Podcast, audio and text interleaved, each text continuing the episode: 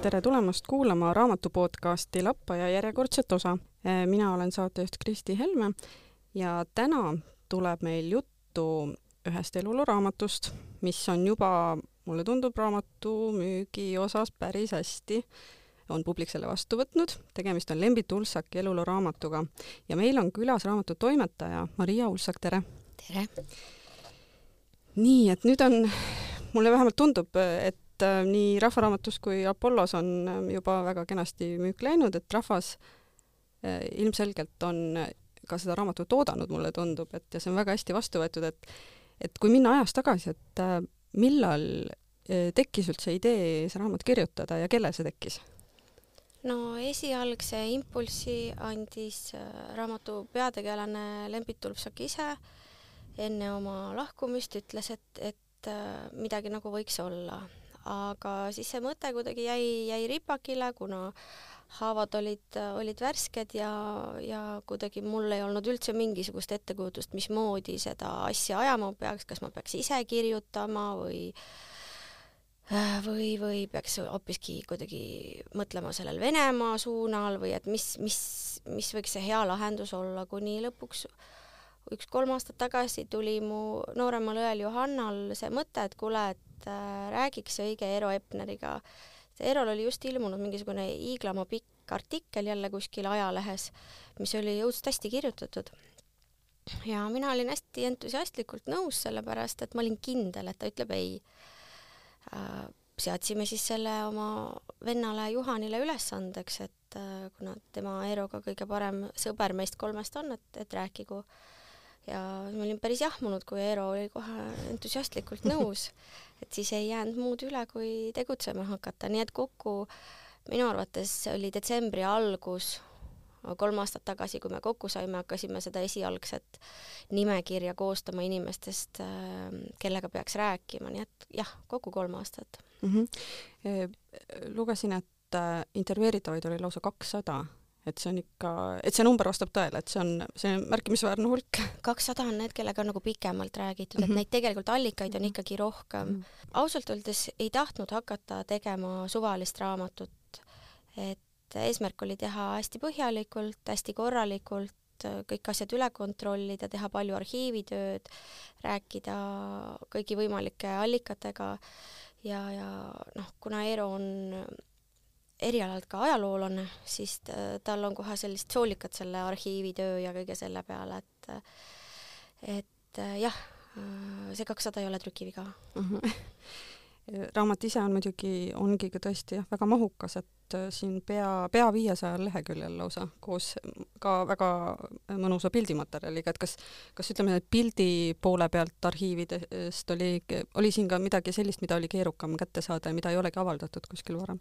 Neid pilte on muidugi siin, mida mm -hmm. ei mhm. ole varem avaldatud, aga pildivaliku ma tegin ise või hakkasin selle fototoimetajaks ise, sellepärast et et meil on kodus olemas väga mahukas Lembit Tulfsaki arhiiv, kust sai osad pildid välja kaevatud.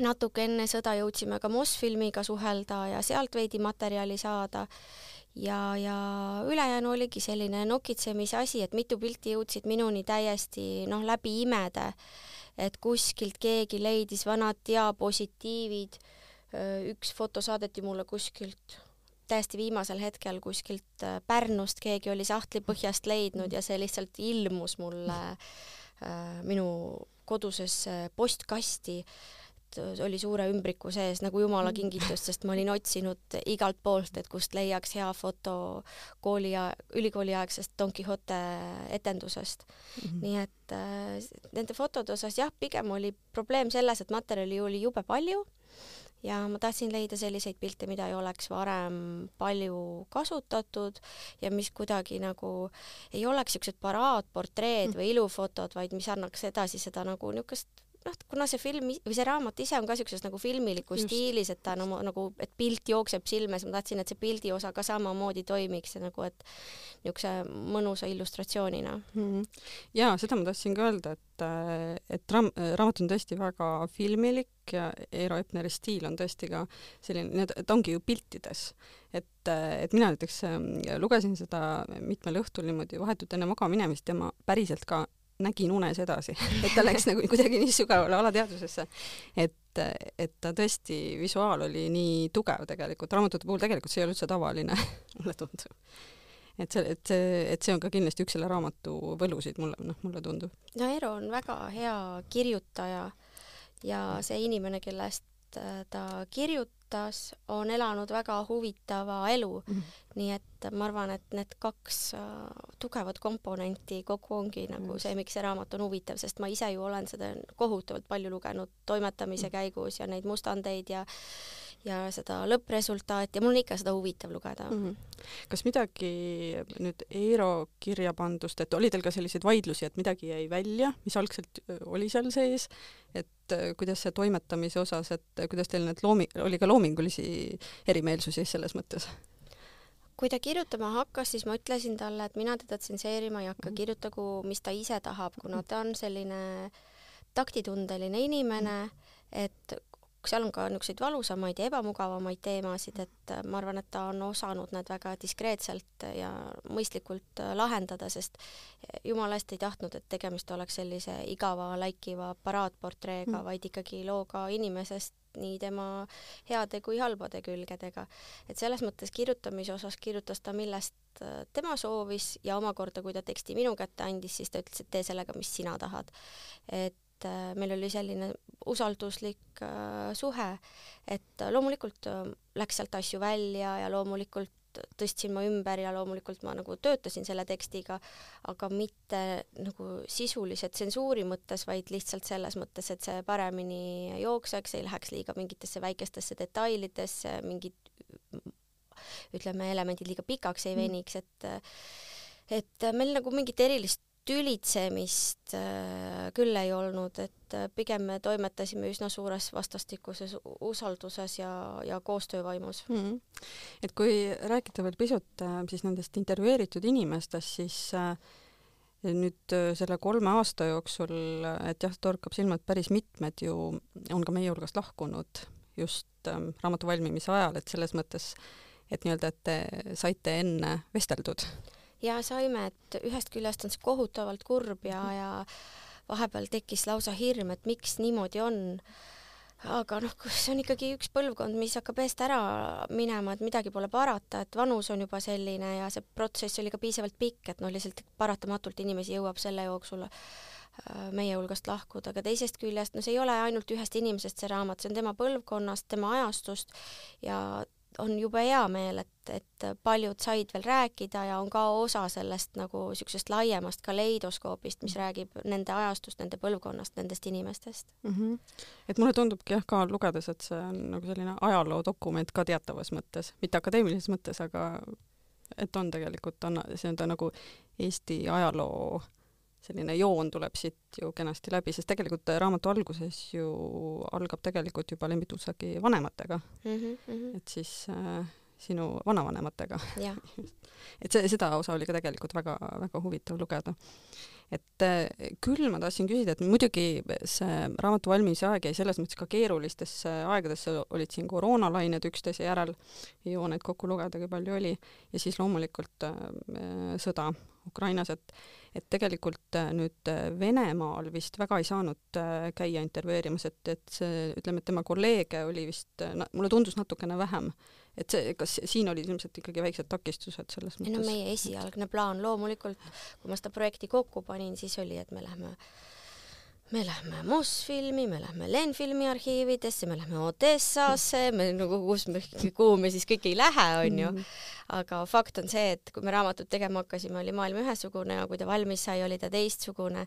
et ähm, noh mis parata, ajad on sellised, ega tegelikult esiteks nendest eh, Lembit Tulfsaki Venemaa kolleegidest eh, paljud on meie hulgast lahkunud ka ja, ja paljud ikkagi läksid ka mõni aeg tagasi peast täitsa lollakaks, et mm, et ma mõtlen juba siis, kui see jama Ukrainas algas, et tegelikult isa lõpetas nendega suhtlemise ära ja, ja, ja ei tahtnud sellest mitte midagi kõigest kuulda et mm -hmm. no läks nagu läks, ma ei usu, et see raamat nüüd selles mõttes väga palju äh, kannatas, et küllap siis äh, sai teiste allikatega rohkemalt mm -hmm. ja põhjalikumalt tööd tehtud, et täiesti puudus ei ole see mhm. peatükk, et et sai ikkagi arhiivitööd tehtud ja jõudsime ikkagi mõnede inimestega rääkida, aga noh, mul on tunne, et see tema Nõukogude Liidu karjäär on ka nagu mingi niivõrd suur ja hoomamatu asi, et see nõuaks vist omaette mingisugust teadustööd või käsitlust, et, et sellest üldse adekvaatne pilt saada, kuna, kuna me isegi ei tea, kui paljudes filmides ta seal mänginud on mm, -hmm. kuna need on nii erinevad stuudiod seal Kasahh film ja Kirgiisias ja ma ei tea, kus kohtades veel on ju. et, et tegelikult sellest ei ole korralikku ülevaadet olemas, mis seal on tehtud ja neid filme ei ole ka võimalik kätte mm -hmm. saada et ma usun samas, et ütleme ka sellise äh, noorem põlvkond äh, noh, selles mõttes teataval määral ikkagi loen ise ka ennast sinna, et just, et, et seda aega nii hästi ei mäleta, et saab tegelikult, mulle tundub, lugedes sellest mastaabist ikkagi päris hea pildi küll, et et mida see õigupoolest tähendas ikkagi tohutu suure riigi kümned miljonid vaatamised, vaatajad filmidel, et noh, midagi, mis praegu tundub äh, midagi uskumatut nojah, eks see oli selline noh, Hollywoodi laadne kogemus, ma mm -hmm. mõtlen mingist aspektist, aga noh, võrreldes Hollywoodiga noh, nagu tänapäeval öeldakse, feimi ei saanud sulliks konverteerida. Et, et see tegelikult ei, ei tähendanud mingit nagu parema elu elamist, et me elasime ikka Mustamäel Hruštšovkal no just et seda on ka raamatus mainitud, et noh, kuidas eestlaste, Eesti inimeste jaoks on justkui see, see õige kuulsus, eriline iha ikkagi sealt lääne, lääne poolt tulev kuulsus, et, et see, see on see, mis, mis paneb nii-öelda meil pea pöörlema mulle tundub et, et, et tegelikult oli huvitav see, et, et tõesti see ampluaa, kellega kõnelesite, oli, oli nii lai, et oli ju ka rääkimist räpina inimestega, kes on siis, ühesõnaga Lebi Tulsak siis äh, Ulsaki lapsepõlve, lapsepõlvemaalt jaa, Eero käis väga palju seal Räpinas ja rääkis kohalike inimestega ja jõudis äh, raamatu valmides järeldusele, et Räpina inimesed on Eesti kõige toredamad inimesed. nii et nüüd me lähemegi äh, ülejärgmine nädal raamatu niisugust glamuurset esitlust äh, veiniklaaside ja fotograafidega ei ole, aga, aga me läheme küll Räpina inimestega kohtuma, see on siis meie oh. meie see raamatu esitlus ra, Räpina raamatukogus. ja see, see, jah, selle kohta ma tahtsingi küsida, et, et ma saan, see on nüüd järgmisel nädalal toimub yeah. Räpinas just. et tegelikult äh, jah, nagu raamatus selgub, ilmselt ütleme, vanemad inimesed teavad seda ilmselt peast, aga äh, mina ma vist olin kuulnud, aga mitte nii väga, et tegelikult äh, oli ju Lembit Tulsaki klassivend Leonhard Laapin, mis mõnes mõttes ja praegu tundub isegi uskumatu, et ühes pisikeses kohas, ühes pisikeses klassis on koos Lembit Tulsak ja Leonhard äh, Laapin, et vähe sellest, et nad olid klassivennad, nad olid pinginaabrid ja tegid ja kogu aeg koos sigadusi. Ja Eesti Rahva Muuseumi arhiivides on olemas ka üks hästi-hästi kole äh, vist leivahoidja või mingi puust junn, mille nad kahekesi valmis treisid. nii et eh, ma, ma küll seda laivis ei ole näinud, aga selle fotod on Eesti Rahva Muuseumi seal arhiivi fotode all olemas, nii et see on tõesti üks inetu plönn no.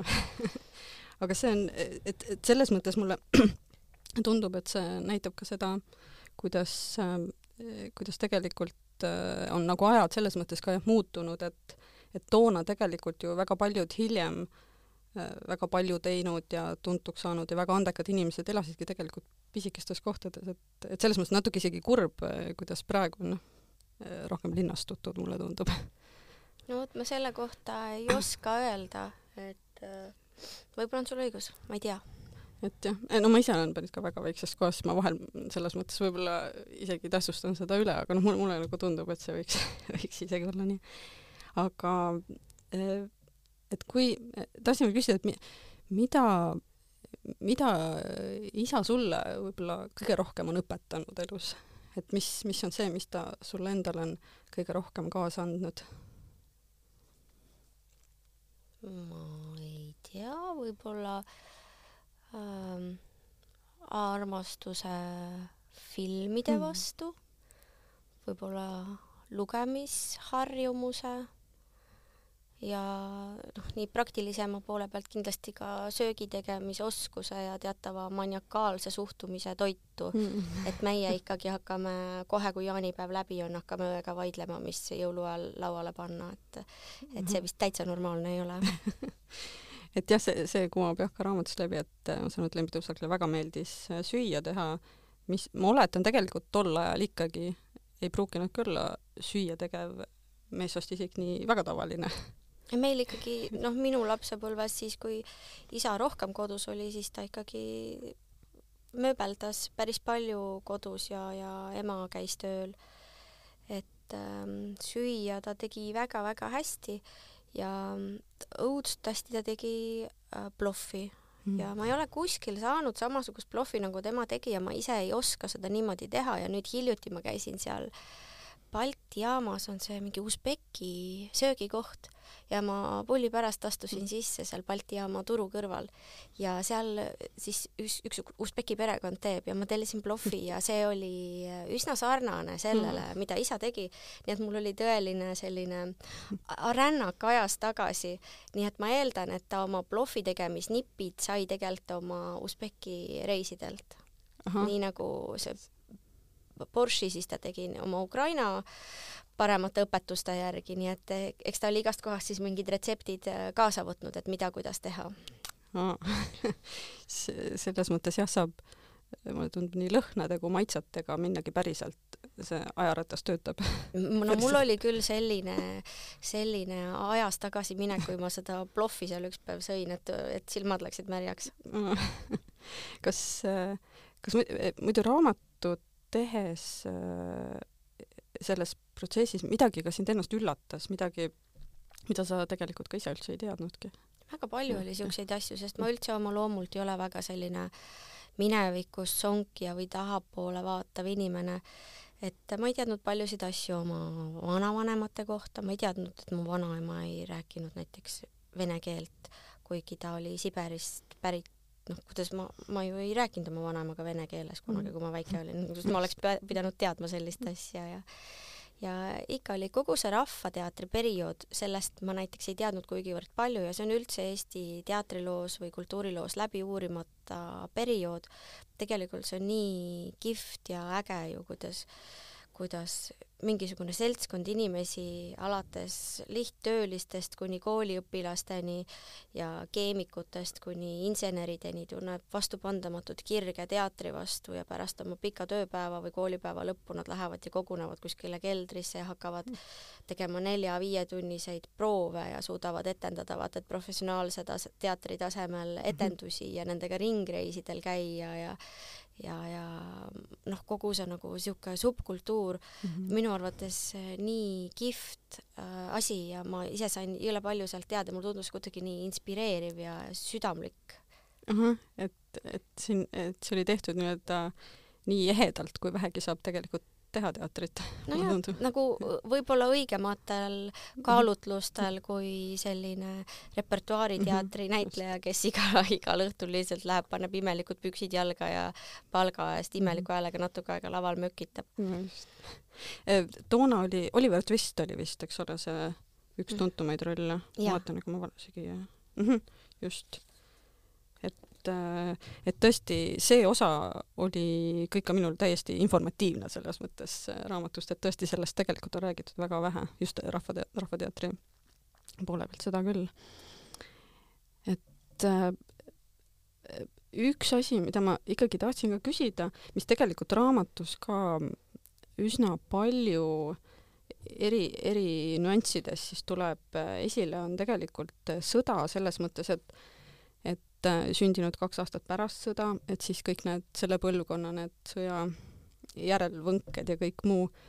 ja tegelikult äh, lugesin ma ka siit, et, et ka tegelikult näiteks Tšetšeenia sõda väga puudutas äh, Lembit Ulsakit, et äh, ma mõtlesin isegi, ma loen ühe pisikese koha ette mm,, mis puudutas just Tšetšeenia sõda, et üheksakümnendate keskel ütles Lembit Ulsak intervjuus, et Tšetšeenia sõda puudutas teda väga mulle paistis, et kahekümnenda sajandi lõpus pole selline julmus enam võimalik, sõnas ta ja lisas, see demonstreerib järjekordselt, et äh, kultuuril on inimkonnale null mõju.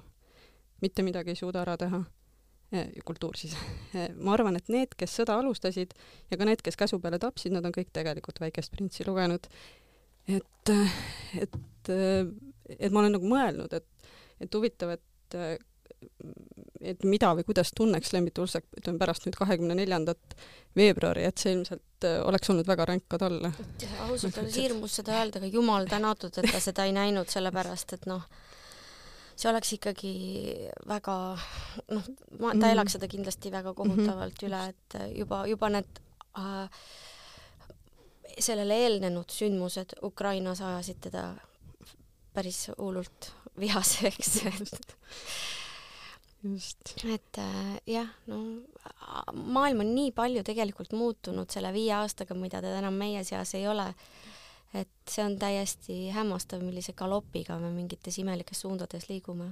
just, ja mitte tingimata jah, paremuse suunas et, et see, et see, selles just nagu, et, et see areng natuke nagu taandareng, eriti viimasel ajal tundub. nojah, siin on kuidagi need kuidagi keeratakse nupust aina juurde ja juurde mm. seda, seda negatiivset poolt ja noh, praegu muidugi oleks ka selles mõttes jah, see Ukraina sõda on ju jah, esimene sõda, kus, kus meil online'is tuleb otse lahinguväljalt kohe sotsiaalmeediasse, et ühesõnaga me, me, me nagu näeme seda nii tohutult palju, et siis seda enam oleks olnud raske ilmselt distantseeruda sellest kõigest. et see, see selles mõttes jah.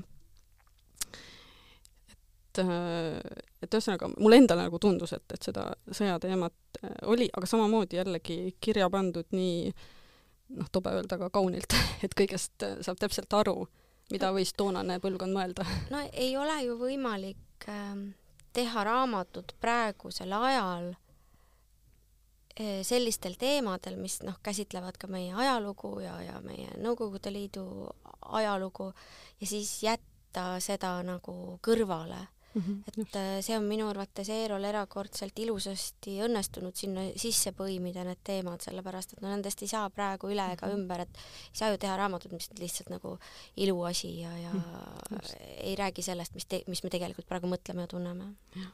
just. et, äh, et võib, võib nüüd kokkuvõtvalt öelda, et raamatuga ilmselt tegijad, ma usun, võivad olla küll väga rahul, ka lugejad, ma usun no ise, noh, ma ei tea, kas seda nagu tohib öelda, olen rahul ja mm -hmm. et äh, sai palju, noh, ma, ma siis ütlen, et ma paremini ei oska, tegin nii hästi mm, -hmm. kui oskasin mm. -hmm. Äh, aga seni selline lugejate tagasiside on olnud äh, jah, positiivne, eriti oluline on see, et nagu hästi ütlevad need inimesed, kes teda tundsid ja nad ütlevad, et nagu meil õnnestus pihta saada sellele tema olemusele või, või millelegi sellisele olemuslikule et, et teda tunneb sealt raamatust ära ja et talle oleks endale see raamat meeldinud ja küllap noh, alateadlikult see meie eesmärk oligi mm. -hmm. et ma, ma ise kirjutasin mõned märksõnad välja siis nagu kokkuvõtlikult, mis mulle endale noh, tegelikult on neid rohkemgi, aga mõned toon välja, et et äh, Lembit Uusakile, et teatris meeldisid traditsioonis, filmis eksperimendid. et, et nii-öelda, et ma saan aru, et ikkagi film oli see, mis oli tal see kõige sügavamal südames ikkagi. või kas nii saab öelda?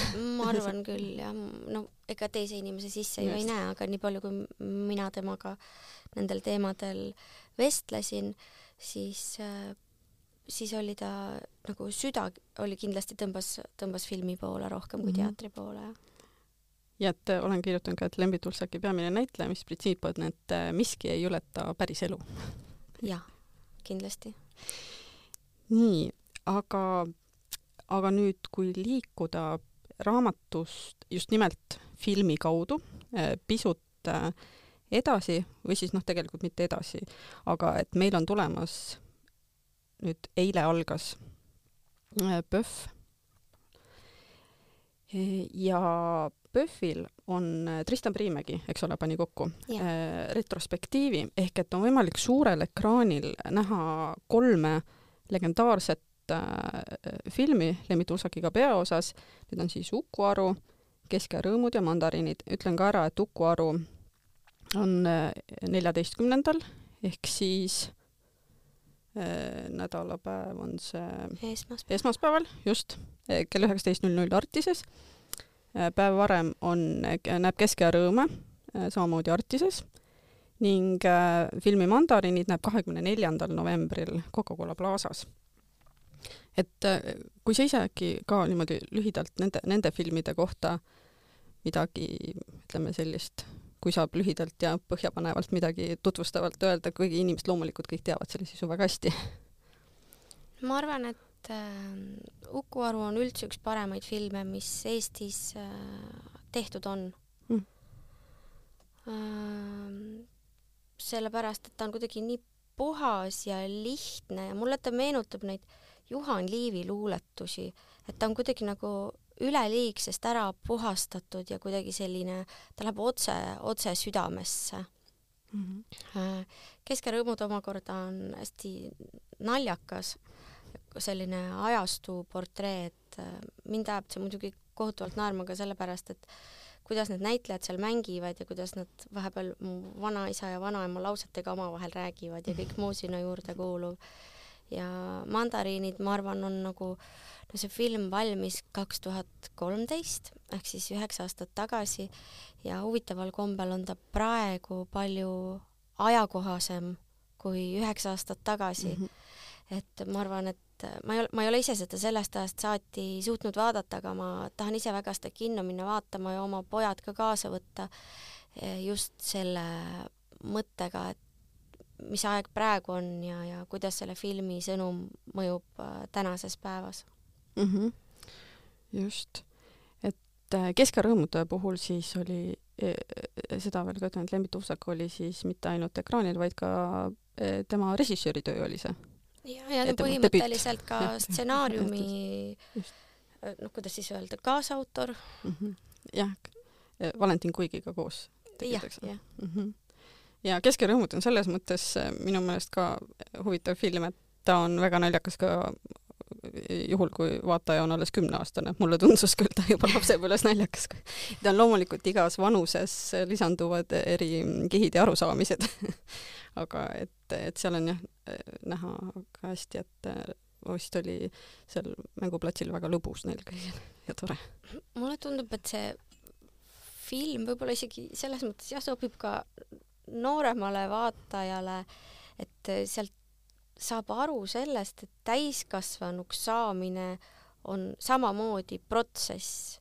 et mm. see ei ole niimoodi, et sa oled ühel hetkel täiskasvanu ja ongi kõik, vaid et, et terve elu on mingisuguses liikumises ja arengus ja taandarengus ja et tegelikult ka, ka lapsed peaksid sellest aru saama, et täiskasvanud ei ole valmis inimesed mm., vaid et nendel ei ole kuskil manuaali, kuidas olla suur, vaid, vaid igaüks peab ise kuidagi oma selle, oma koha ja meetodi leidma just, et muidu re-, äh, režissööri töödest siis on tegelikult veel ka teine film, äh, on Lammas all paremas nurgas, et need olidki ju kaks, äh, Lembit Uusaki kaks režissööri tööd, et mm -hmm, yeah..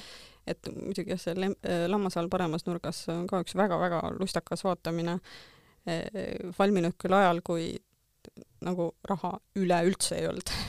Ei olnud jah. Et aga valmis ta sai, on väga, väga tore, et ta valmis sai, see on väga lõbus vaatamine aga jah, muidugi noh, mandariinid on juba nüüd selles mõttes ka nooremale põlvkonnale ilmselt väga hästi, hästi teada ja ja, ja noh, mulle millegipärast jäi meelde, ma ei tea, kas see oli Hollywood Reporteris või ühes, ühes välismaises, välismaisel saidil, ma mäletan hästi, et oli Lembit Ussaki kohta, et oli kasutatud sõna magnificent minu meelest et, et äh, see roll on tõesti suurepärane, ega ei oska ise nagu muud, muud sõna kasutada selle kohta. aga nüüd sellega on meil nüüd esimene saateosa läbi ja teises saateosas pärast pisikest pausi äh, annab äh, Maria ka mõned äh, PÖFFi soovitused.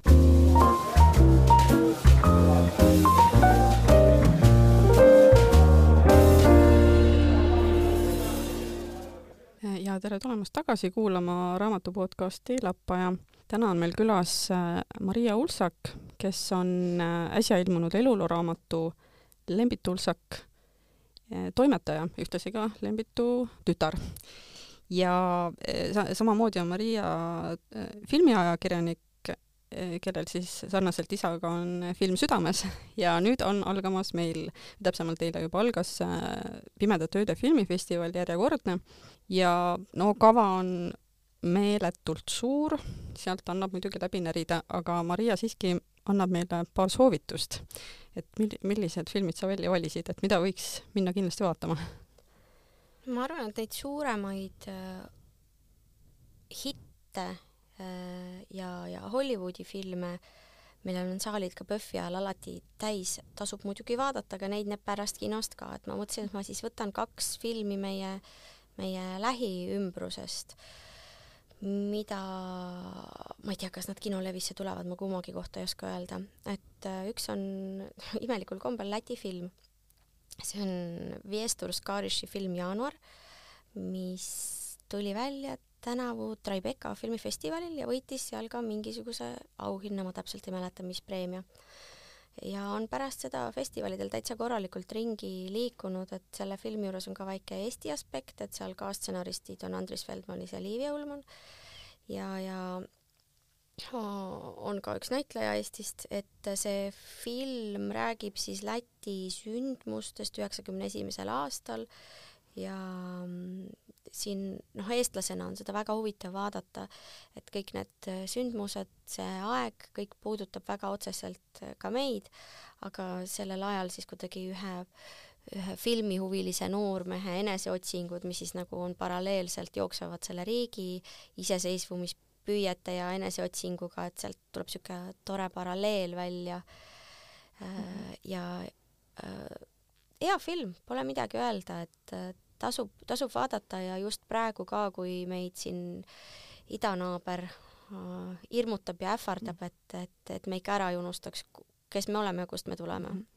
Et on siis, ütleme, meil endil jookseb samast ajastust veidi teis, teistsugune Kale-, Kalev, et kas siin mingit, selles mõttes saab mingit paralleeli ka tuua, et ta on ilmselt hoopis teise tonaalsusega teistmoodi või on siin just see iseseisvuse no, väljakuulutamise aeg? tähendab, mida rohkem me mhm. seda ajastut nagu püüame lahti mõtestada ja sellest räägime, seda parem mulle mhm. tundub nagu eriti tänases päevas mm. -hmm. et jah, aeg on sama ja mingisugused paralleelid loomulikult äh, tekivad juba seetõttu, et olustik on, on sarnane, aga see on jah rohkem selline nagu kunstipärasem draama ühe inimese mm. sisemistest eneseotsingutest ja, ja tagasilöökidest ja, ja siis ja, ja kuidagi edasiminekutest mm. -hmm no täpsustan veel seda ka, et kas see on äh, nii-öelda päriselu sündmuste selle kellegi konkreetse elu see on järgi? režissööri enda noh, mõnes mõttes ta on nagu selline lõdvalt autobiograafiline -huh. või et noh, jah, võib, võib vist eeldada, et see peategelane on, on tema ise, aga, aga mitte päris täpselt tema uh -huh. ise. selge nii, ja mis oli teine film? Äh, teine film on Poolast uh. -huh. selle režissöör on Jerzy Skolimovski, kes on just kaheksakümne nelja aastane või midagi siukest. et mina nägin seda filmi tänavu Cannes'is. Äh, ja see on kindlasti mu üks aasta lemmikfilme. selle nimi on EO ehk siis eesti keelde tõlgiti seda kui, kui Iah. Äh, see on nagu selle eesli, eesli nime ja häälitsuse järgi ja see räägib ühest eeslikesest, kes on alguses tsirkusetrupi osa ja seejärel ootavad teda ees mitmesugused mitte eriti toredad seiklused, et meil avaneb võimalus vaadata maailma läbi eesli silmade. aga noh, nii filosoofilisemas vaates on see ikkagi nagu äh, seal on keskkonnateadlikkust ja äh, ökomõtlemist ja loomaõiguslust ja, ja lõpp, noh, kõige, kõige selle tagant võib ka selle Dostojevski idioodi motiivid leida, aga põhimõtteliselt see film läheb, näeb nii kihvt visuaalselt välja ja ta on sedavõrd kaasahaarav äh, tripp kuhugi ma ei tea, mingisugusesse paralleelreaalsusesse, et kui õnnestub sellega kaasa minna, siis saab täiesti uskumatu kinoelamuse mm. -hmm see kõlab ka midagi väga originaalset. see on tõesti originaalne film ja mul, ma tõesti rõõmustasin seda vaadates, et äh, ku-, eriti sellepärast, et kuidas nagu nii vana mees teeb nii moodsa filmi, mis näeb nii sisult kui ka vormilt välja nagu mingisugune happ, happerännak, et äh, tõesti kihvt. Et, et ma saan aru, et ta samas selline nii-öelda didaktiline ei ole, et, et tahaks muudkui ainult õpetada vaatajad ei no me vaatame maailma läbi eesli silmade, just. eks sa, kes tahab sellest midagi järeldada, järeldab ja kes, kes mitte, see ei saa seda mitte teha, et, et mulle tundub, et jah, seal seda moraali peab ikkagi otsima, pähe teda ei määrita. Mm.. kõlab igal juhul väga, väga huvitavalt. aga aitäh, Maria, tulemast, et oli, oli väga huvitav ja tore. Ja soovitan siis ühesõnaga eh, seada sammud nii eh, raamatupoodi, kus on müügil eluloo, eluloo-raamat pealkirjaga Lembitulsak, kui ka kindlasti PÖFFile, kus on eh, väärtfilme omajagu, ütleme nii. just, ja järgmise korrani siis, et järgmise saate teeb siis meil taas Peeter Kolmašov.